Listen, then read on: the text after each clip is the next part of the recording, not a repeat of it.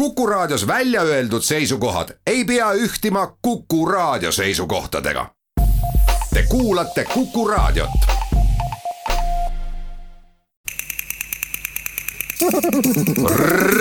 reisirada eks ta sellisel kujul, nagu õhk võngub ja trükimust väljendab, on inimlik aga kummalisel moel väljendavad materiaalsed elemendid vaimu. esmapilgul vaimu muidugi ei leia, aga sellest pole midagi, sest kui inimese aju uurida, siis ju ka ei leia vaimu ehk teadvust, vaid üksnes seda, et bioloogiline elu on olemas ja mingid funktsioonid käivad. nii ütleb teoloogiaprofessor Arne Hiob ja lisab, et see on sarnane sellega, kuidas Jumal on maailmas kõikjal lähedal, teispoolselt ees on lihavõttepühad ja reisirada räägib seega vaimust ja jumalast Aarne Hiobiga, kes on Tallinna Jaani koguduse abiõpetaja, Usuteaduse Instituudi õppejõud ja keda paljud teavad ka entusiastliku ekskursioonijuhina. saatejuht Jaak Arin tervitab teid saatesse Reisirada. räägime Andres Uiboga, kes kõige tuntumana on organist, selle kõrval aga ka produtsent, pedagoog ja festivalide juht lihavõttega ja kannatusajaga on üle maailma seotud väga palju muusikat, räägib ta.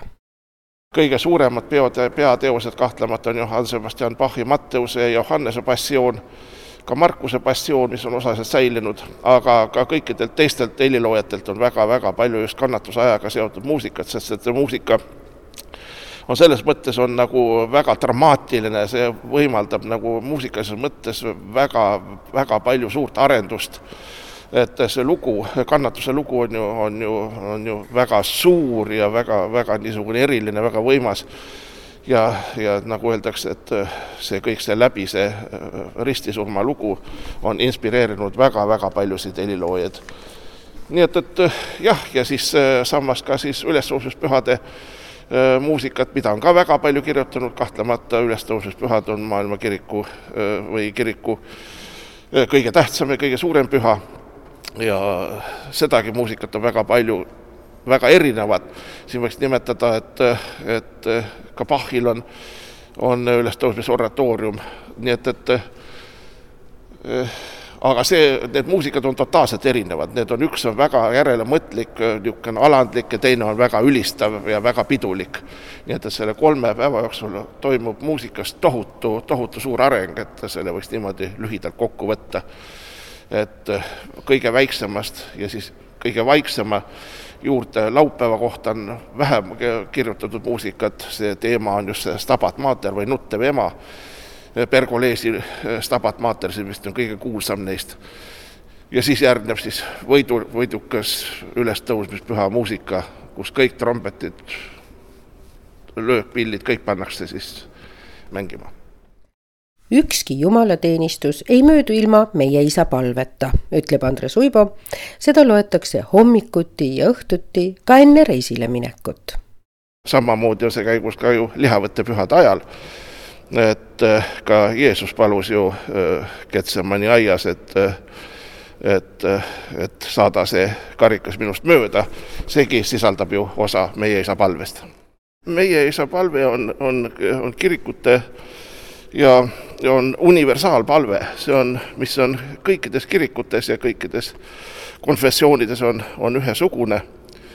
ja Jeruusalemmas on üks väga tore koht, et meie isa palvekoht, kus on siis ma, maailma maailma väga paljudes keeltes, ma nüüd ei oskagi öelda, palju neid oli, aga neid on kuskil üle saja seitsmekümne keele ringis, kus on kõik erinevates keeltes on siis meie isa palvetekst on siis välja pandud väga ilusti seinte peal, seal on ka eestikeelne, eestikeelne meie isa palve, nii et, et üks niisugune ülemaailmne universaalne lugu. Ja ja see on palve, mis kõlab vist kõikidel jumalateenistustel ja kõikidel äh, ka niisugustel vaimulikel koosviibimistel, nii et, et, et väga universaalne palve, jah. see sisaldab absoluutselt kõike, mis meil elus nagu iga päev on vaja, nii et, et üks väga konkreetne lühikene äh, palve ja seal on kõik on ära öeldud, see on üks noh, kõige-kõige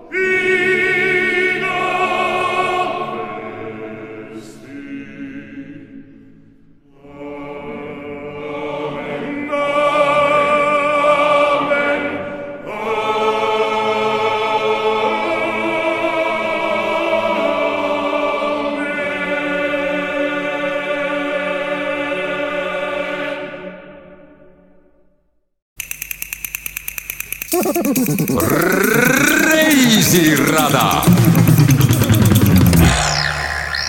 istume Aarne Hiobiga Jaani kiriku ilusas kõrvalruumis ja räägime sellest, kuidas Aarne Hiobi seda omapärast aega kasutanud on, kui peas on mõtted, mis on religioon, usund või usk, mida annab maailma usundite võrdlemine. kas inimene on alati olnud religioosne ning jääb selleks hoolimata kultuuri arengust? mis on siis, kui inimene kohtab seni tundmatut tegelikkust, mis ei mahu meie tavalise maailma raamidesse inimesed räägivad ju ka sellest, et teatud olukordades on nad nagu näinud teisi universumi, sattunud täiesti kuskile mujale, mis on neile ka jätnud mulje, et tegelikult äh, on see mitmekihilisem no jaa, tuleb selliste asjade puhul arvestada, et, et muljepõhised otsused ei pruugi olla õiged. mis mulje inimestel võib jääda, on see, et kuhu need universumid kõik mahuvad. Aga kui me mõtleme, et äh, mahtumine eeldab ruumi mõistet et ruumi ei mahu liiga palju inimesi sisse või liiga palju elemente ei mahu piiratud ruumi. aga kui me mõtleme, et ruum sai alguse nõndanimetatud suure pauguga ja enne pidi ka midagi olema, sest olematust ei saa olla ja mm, kui mõelda veel edasi, et räägitakse vaimumaailmast religioossetes traditsioonides, siis vaimu puhul eeldatakse, et ta on väljaspool ruumi, ta ei allu ruumilistele tingimustele, järelikult pole ka mahtumisküsimust. nii et meie lähedus sellele vaimule, kes on looja ehk jumalale, ei ole mitte ruumiline küsimus, kas ta on ruumiliselt kaugel või ruumiliselt lähedal. pigem ruumiliselt on ta ülilähedal ja nähtamatult, nähtamatu teispoolsus, kes on igas punktis kohal. pigem nii on kirjeldatud Jumalat. ja meie kaugus temast on siis sarnasuslik et me oleme pigem ise isekad, kurjad, me peame sellest välja kasvama, et saada Jumalale sarnasemaks ehk teisisõnu talle lähedasemaks. Ja kui nüüd niimoodi võtta vaimumaailma, siis vaimumaailmasid, maailmasid võib, või kuidas neid nimetada, teisi maailmaid või vaimumaailmaid või midagi, mis ei allu ruumilistele, meie kosmose ruumilistele tingimustele, neid võib olla tõesti väga palju. ja, ja vähemalt kristlikul puhul on sõnum ongi see, et ega seal alt head ei ole, seal on halba ka. ja sellepärast eh, on omad viisid, kuidas selle asjaga tegeleda. sinu kuuekümnendal sünnipäeval tuli üheksalt välja kaks raamatut kuna meil on koroonaaeg, siis alustame võib-olla sellega, et me praegu mõtleme võib-olla rohkem teispoolsusele jah, üks raamat on tõesti, kannab sellist nime ja kui me siin kantseleis neid müüme, siis me lühendatult nii seda ka nimetame, et üks teispoolsus osteti jälle ära. aga see on ka poes müügil, nii nagu ka teine raamat. nimelt on ta täispealkiri on siis Inimene ja teispoolsus.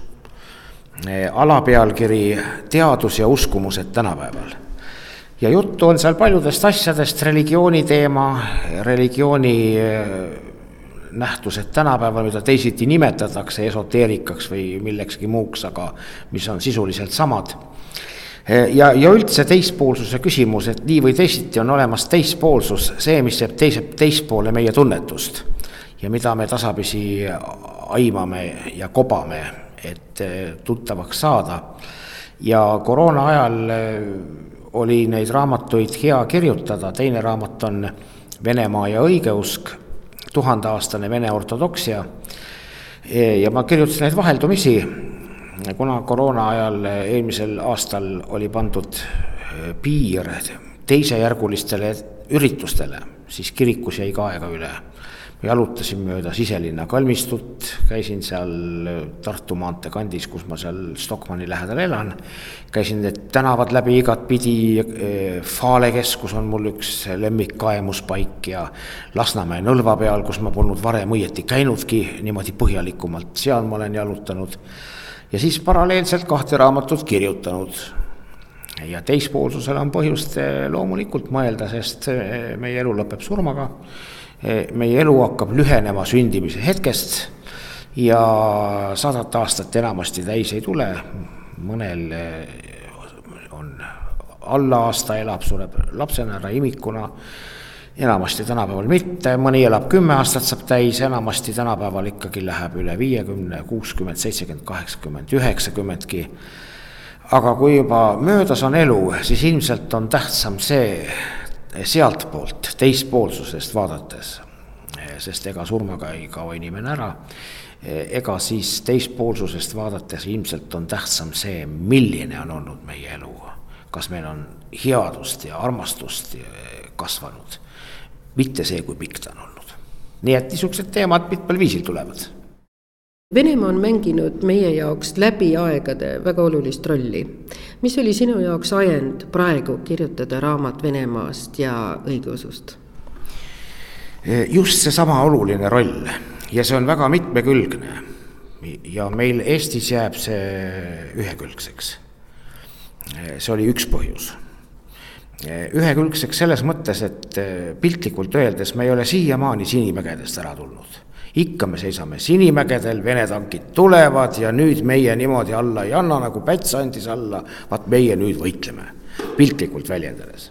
aga kui me nüüd mõtleme, et eh, Venemaa on meie naaber ja jääb meie naabriks ja ise ei tasu tülinorija ikkagi olla siis eh, me teame küll, et eh, kui keegi on suur, tugev, võimas ja kui võib seal võimule tulla keegi, kes on ka eh, võimas ja mingi sõjaolukord, kus me võime sattuda jälle Venemaa mõjusfääri või koguni võimu alla, et see on põhimõtteliselt olemas, siis me ei pea seda kogu aeg üle kogu aeg kordama ja nagu seda õhutama seda, et me peaksime nagu naabris nägema seda momenti, kellega kogu aeg võidelda tuleb. me teame seda, et Venemaa on suur, tugev ja, ja üldiselt omalt poolt tuleb ikkagi püüda läbi saada, nii nagu Soome näiteks seda on teinud ja saanud. see on üks asigi, et me ei tohiks näha Venemaal ainult poliitikat ja, ja sõjaväge. Venemaal on palju rohkemat ja kui ma ise olen usuteadust õppinud tuhande üheksasaja kaheksakümne kuuendast aastast oma kraadid kaitsenud ja õppejõud olnud veerand sajandit siis ikka on teoloogilised mõttekäigud ja asjad viidud sisse ortodoksi maailma, meil on ju globaalne maailm. see tähendab, et kirikud ka puutuvad erineval viisil omadega kokku, ma, et ma olen luterlane, no, no ma olen eestlane, kas ma nüüd Soomes ei käi siis või Venemaal ei käi, Saksamaal ei käi, ikka käin. kui ma olen luterlane, ma ikka suhtlen ortodoksiga, katoliiklasega ja teistega. Et äh, niimoodi kokku puutudes siis äh, õigeusu kulla ja karra taga, eestlane ütleb ikka, et seal, seal on nii palju kulda ja karda. okei okay,, meie maitse on, et kuld ja kard peab olema kodus.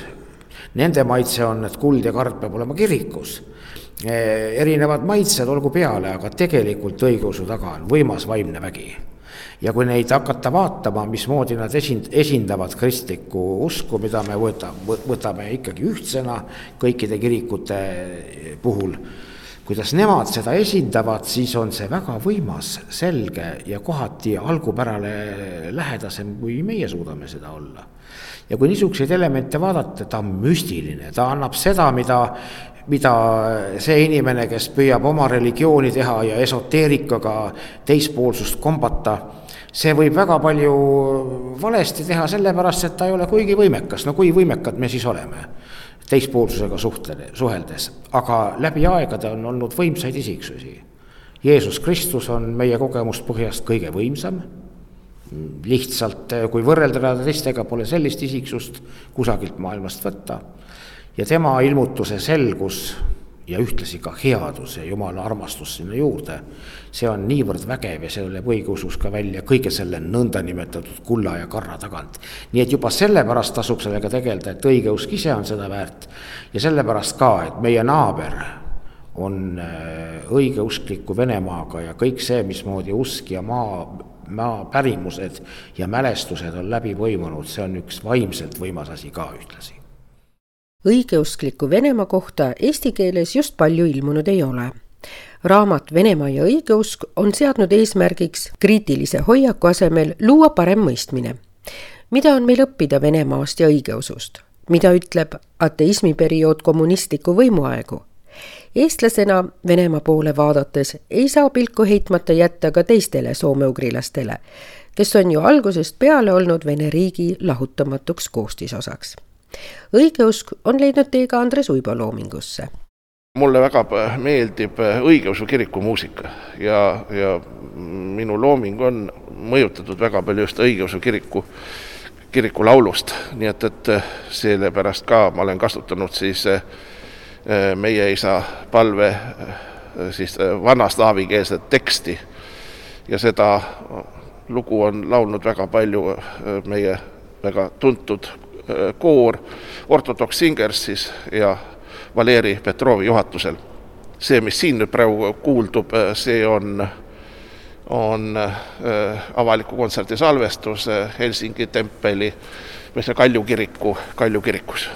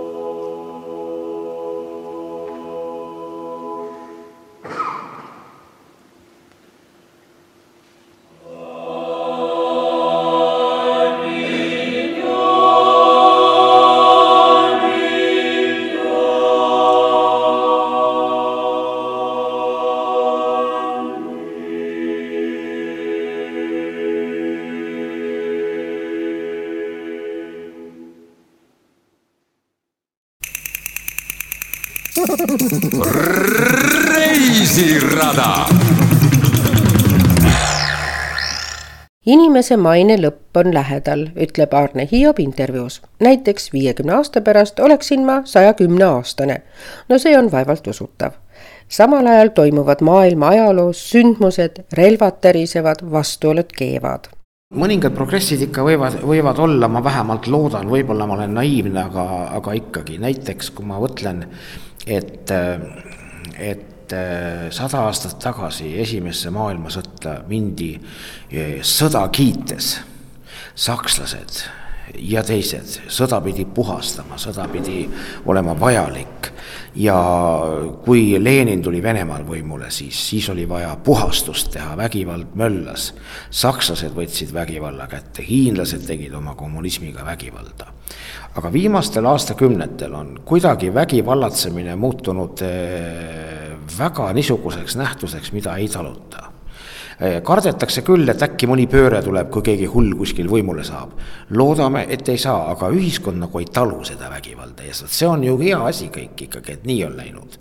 tahaks loota, et see ikkagi on mingi samm edasi, kuigi teisalt öeldakse, et inimene on sama Äh, aga samat asja ma olen mõelnud ka nende igasuguste üldiste riiklike korralduste puhul, et kui siin äh, nende piirangud tulid, et äh, mõned on väga usinad seda täitma, kuigi et me teame, et riik võib ka eksida, liiga palju neid panna või ka liiga vähe neid panna. et kas usinus võiks äkki vähem olla, et, et kriitikameel selles suhtes, et kes peavoolule ei allu, et see ei ole ju veel kuri, keda tuleks hävitada või mõnitada et praegu selliseid mõnitavaid toone on, on kuulda, nimet-, nimetatakse vahel siis, et lamemaalased kõik ja kes need kõik. Aga mis siis, kui teatud hulk inimesi usuvad lamedat maad, küll nad üks päev ümber veenduvad, et see ei ole lihtsalt nii. aga miks peab neid mõnitama selle eest, samamoodi miks, miks peab teisiti tegijaid kohe suure põlglikkusega vaatama, ma ise, ise tahaks loota. et nii nagu vägivald muutus ebapopulaarseks ja inimväärikusele mittekohaseks, et ühel päeval ka see muutub ja tasapisi kujuneb välja, et meil praegu käivad õppused. et veel on kuulda mõnitamist, aga mõne aastakümne pärast võib-olla ei ole enam. Eks ma tajun kogu aeg kuidagi maailma lõpu tulemist, nendib Aarne Hiob. jumala juures on tuhat aastat nagu üks päev ja üks päev nagu tuhat aastat. Jeesuse ülestõusmisest on möödunud kaks päeva, kui kolmas päev, see tähendab kolmas aastatuhat Jeesuse tagasitulekuks veel juurde panna, nii nagu ta oli kolm päeva hauaihus, enne kui üles tõusis. siis ka see on väike aeg igaviku ees. jumala läheduse kogemust me vajame maa peal harjutamiseks et teda taluda ära teispoolsuses. noh, lühidalt väljendades. ja see kogemus ei ole mitte ainult eh, füüsiline või lihtsalt, vaid see on ka seotud sellega, et ega jumala armastus käib ka närvidele, kui ei ole selle peale häälestunud. ja me räägime küll, kui inimene räägib palju armastusest, siis ma ikka mõtlen, et eh, vaata, inimene räägib, millest ta puudust tunneb ta ei ole leidnud seda tegelikult, ta muudkui tahaks ainult kuulata armastusest, aga ta ei ole tegelikult, tal kui sa oled selle armastuse leidnud, see vajas rääkimist enam nii palju. et äh, see armastus, mis jumala armastus on, ületabki seda kõike ja see ei tähenda kõige sallimist. vaid, äh, vaid see tähendab seda, et, äh, et midagi väga avarat ja ülevat ja teistsugust hoopis niisugust ja, ja selle kõigega kohanemist me vajame maa peal, et, et teispoolsuses Jumala juurde sobida ja mitte kusagile mujale ja nii on Arne Hiob raamatus Kirik on pühapaik, kus kohtame teispoolsust kirja pannud, mis talle südamelähedane on. kirik on noalaev, haigla, isegi nišš teatavas mõttes. ta ei lahustu muus maailmas. kirikus peab olema müstika, transcendentne joon, mis ühendab teispoolsusega püha ruum on ruum, kuhu sisenetakse värisedes ja kartusega pühaduse eest. kui sellist kartust ei teki, siis ei teki ka tõelist rõõmu ega armastust. püha ruumi tuleb hoida, ütleb Aarne kas sina soovitaksid inimestel, ükskõik, kas nad kuuluvad kuskile regiooni juurde või ka üldse mitte, just ülestõusmispüha ajal siiski külastada jumalateenistust, vaadata sisse ühte või teise kirikusse või võtta kätte ka üks sinu raamatutest? soovitan kõike, eks ma olen püüdnud ka kirjutada just nimelt sellel eesmärgil, et seda teispoolsust mõistetavamaks teha, nii palju kui meile seda antud on aga kindlasti soovitan ka kirikutesse sisse vaadata, sest kiriku uksed on ikka sellepärast lahti, et sinna sisse vaadataks. ja ühte asja, mida nagu ikka võiks ka mõelda ja mida ma tahaksin väga toonitada. et eh, piiblis on öeldud mitu korda, et jumal tahab, et kõik inimesed õndsaks saaksid ja vaata näiteks, kui näiteks oletame, keegi kristlane tahab olla väga vaga ja ta tahab, et oletame, et ta tahab, et, et ikka patused saaksid tõsiselt kõristada, siis mõelgem järgi, selline inimene ju ei taha siis, mida Jumal. Jumal tahab õndsust inimestele ja headust. nii et meie püüame ka olla samasugused nagu Jumal, et me kõiki inimesi vaatame armastusega, nii palju kui me oskame, tahame, et nad õndsaks saavad aga ühtlasi teame, et nad ei pruugi saada, kui nad ise ei taha. peale sundida ei tohi ja jumal ka ei sunni peale õndsust, kui ei taha, siis ei saa. Nii et ähm, see võimalus on antud kõigile, tule kirikusse. oled küll inimene omade nõrkustega, mina olen ka inimene omade nõrkustega ja ma võin öelda, kirikusse tulek teeb alati inimese elu valgust täis, isegi kui mõnel järgmisel hetkel tundub, et hoopis pime või midagi pahasti läks, siis see on ajutine. see läheb mööda, kui me hoiame oma vaimu endiselt õige liini peal.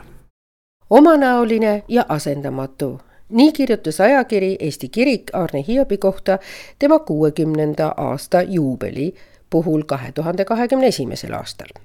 juubeliks sai valmis ka kaks raamatut, Inimene ja teispoolsus ning Venemaa ja õigeusk vastuvõtt ujuja, ütleb ajaleht Eesti Kirik tema kohta ka.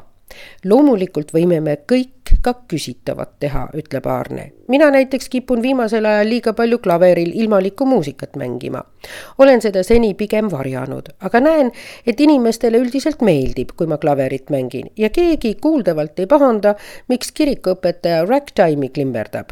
jatsu ma muidugi pühakojas siiski ei mängi raamatud on tema sulest aga ilmunud nii Martin Luteri kui Apostel Pauluse kohta ja kirgliku rändajana kirjeldused pühast maast Iisraelist üle Rooma, tillukese Egeuse mere Püha saare Patmoseni välja.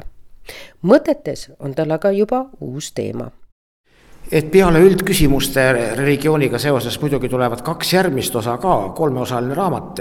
Ja teine osa on eh, paranormaalsed nähtused vaat see on juba niisugune, mis puudutab konkreetseid sündmusi ja nähtusi, mis on olemas.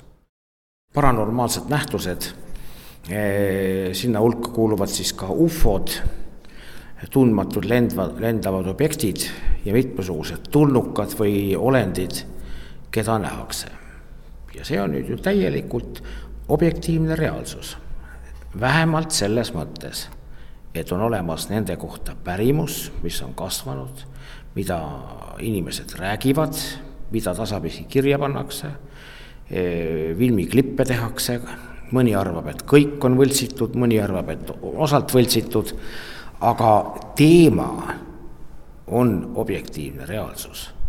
Ja kui see on inimeste seas teema, siis me ei tohi seda kohe teha mingisuguseks täielikult legendiks ette ära, me ju ei tea, mis seal täpselt on. kui astronoomid ka räägivad, alles täna vaatasin, et Laurits Leedjärv ütleb mingis hiljutises intervjuus, Tartu astronoom, et, et kõige levinum arusaam on ka füüsikute seas ikka, et tõenäoliselt on mitmeid universumeid, nii et et kui me ei ole kõike teadjad, siis me ei saa jätta võimalust, et, et on olemas teistpoolsus üsna rikkalikul viisil. ja üritan neid teemasid käsitleda teoloogina, teoloogid enamasti neid ei käsitle. mina üritan seda teha, mitte ma üldse suruksin peale mingeid seisukohti, mida kõik peavad aktsepteerima, ma toon küll välja, mis on eh, kristlik seisukoht eh, selles suhtes, aga ma ei, ei, toon ka muid asju välja. Ja, ja põhiliselt üritan teemat kärit-, käsitleda ja mõtlema panna, nii ennast kui teisi ja kolmas osa on siis surmalähedased kogemused, sellega on ka tegeldud mitu aastakümmet.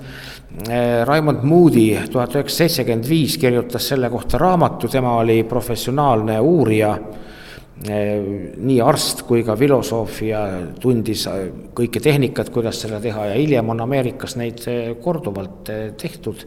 ja ka tõepoolest fenomen on tähelepanuväärne, masinad näitavad, et inimene on surnud, aju ei tööta aga pärast mäletab, mäletab, kuidas ta käis kuskil teistes maailmades, see ei olnud unenägu, see oli palju selgem. Ja nii edasi, midagi ähmast ei olnud, nagu narkoosi all ollakse. ja äh, ütleb, et ei, nüüd ma tean, et on olemas teist poolt teised maailmad ja teine maailm vähemalt. Ja teised vaidlevad vastu, et ei, see oli tema hallutsinatsioon, unenägu, aga nad ei, kumbki ei saa tõestada, sest, sest unenäod on ähmased, aju ju ei töötanud samal ajal ütlevad teadlased, et pole mingisugust selgitust, kuidas aju tekitab teadvust kui aju seisab ja teadvus on olemas, siis me võiks ju minna edasi, öelda, et religioonid ammu ütlevad, et aju ei tekitagi teadvust, vaid teadvus tekitatakse väljastpoolt. see, kes on objektiivne absoluutne vaim ehk Jumal, tema tekist, tekitab subjektiivsed ehk väikesed vaimud, et kui niimoodi skemaatiliselt väljenduda Heegeli mõisteid kasutades, siis eh, need on ka ammuilma olnud teemaks. Ja kui inimene tahab elada nii maiselt, et ta ei tohi mõelda ka enam teispoolsuse peale, siis kaks asja, ta võib olla maa peal väga edukas ta võib olla niisugune läikiva ülikonna tüüp, kellel on lips kaelas, kellel on ühepikkused sõnad kogu aeg, kes mitte kordagi ei tõsta häält, mitte midagi eh, reljeefset ei väljenda, kes maiseid asju jagab filigraanse täpsusega nagu masinavärke, kes sobib hästi riigivõimude juurde või majanduslikuks juhiks, mida ka on väga vaja teha, aga kui ta ei mõtle enam teispoolsuse ega tega, tegele sellega, kas tal pärast surma on sinna hea minna, eh, see on päris tõsine küsimus. Enn Kasak, teadusfilosoof, ütles ka, et miks te teadlased valetate, andis mõista. Te räägite, nagu peale surma midagi ei oleks, aga kust te teate, et ei ole? Te võite öelda, et te usute, et ei ole, aga te ei saa öelda, et te teate, et ei ole, sest on neid, kes väidavad, et on ja on seda kogenud et niisuguseid teemasid olen püüdnud käsitleda, mitte kedagi maha surudes, loomulikult mitte pääsedes sellest, et iga autor suunab omamoodi jutte, aga minu jaoks on ka tähtsam see, et olulisi küsimusi võetaks tõsiselt, mitte seda, et keegi tunneks, et tal oleks midagi peale surutud. pealesundimine võib kogemata juhtuda igalühel, aga kui me seda taipame mingil hetkel tuleb, siis tuleb surve maha võtta saate tehnilise külje eest vastutas Veiko Rebane. saatejuht Tea Karin soovib teile ilusat päikeselist eelseisvat nädalat, mis sellel omapärasel ajal on ehk ka ise tavalisest erilisem. kui suvel piirangud lihtsamaks lähevad, siis Tiit Reisid jätkavad ka kolm aastat tagasi alanud reisisarja Kirikud ja orelid Arne Hiobi ja Andres Uibo juhtimisel ja selja taga on juba sada kolm Eestimaa kirikut. järele jääb veel käia umbes kuskil äh, kuue-seitsmekümne kiriku ringis. nii et, et veel kahe aasta kirikud on meil varuks ja, ja jätkame juba siis äh, selle ringreisiga maikuuses, juunikuu, juuli, august ja september igal kuul ühe reisi, nii et, et et seda saab ju vaadata ja seal on kõik täpselt kirja pandud, milliseid kirikuid siis nüüd seekord külastatakse kui on võimalus jälle kaugemale reisida, siis Aarne Hiobi reisid viivad laia maailma. sinnamaani saab aga tarkust koguda läbi raamatute ja reiside jaoks end ette valmistada, näiteks raamatus Rooma. sest öeldud on ju, et kõik teed viivad Rooma, kuhu jõudsid oma rännakul ka Peetrus ja Paulus. seal kirjutasid nad kirju ja surid märtritena Arne Hiob räägib oma raamatus ka sellest, kes on paavst, kuidas mõista Kristuse ülestõusmist, miks austatakse Maarjat ja kas Eesti ja Läti on jätkuvalt Maarjamaa. ta heidab pilguga Baltikumi ristisõdadele ning rüütlite mentaliteedile. Apostel Pauluse mõju kristlikule arengule on olnud tohutu. teda on nimetatud ka kristluse teiseks rajajaks kuidas endisest ägedast juudist sai sama innukas kristlane, kelle tõttu on tuntud väljend Saulusest sai Paulus, on kirjas raamatus. teada saab Arne Hiobi kaudu ka, et Paulus oli kristluse globaliseerija ja kosmopoliit apostlite seas. Pauluse kirjadele toetus ka Martin Luteri reformatsioon, mis sai uusaja aluseks läänemaailma ajaloos kes võtab kätte raamatu selle saksa usu puhastaja kohta, avastab, et läbi sajandite mõjutab see reformaator meid tänapäevalgi rohkem, kui sageli teadvustame. oma reisidel põhineval raamatul Iisraeli kohta oskab Arne Hiob öelda, et tundliku meelega rändurid võivad praegugi tajuda pühal maal teatud kummalist nähtamatut dimensiooni, mis mõjub kivisid läbistades lausa füüsiliselt Arne Hiob räägib ka sellest, kuidas ortodokset pärimust õpitakse tänapäeval tundma ka läänemaailmas.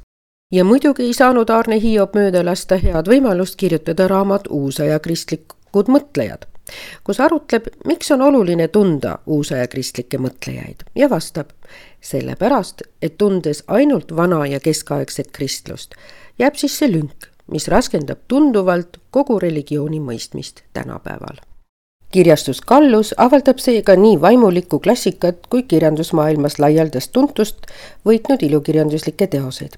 sest hea raamat saab igas eas inimesel aidata areneda, on nende motoks.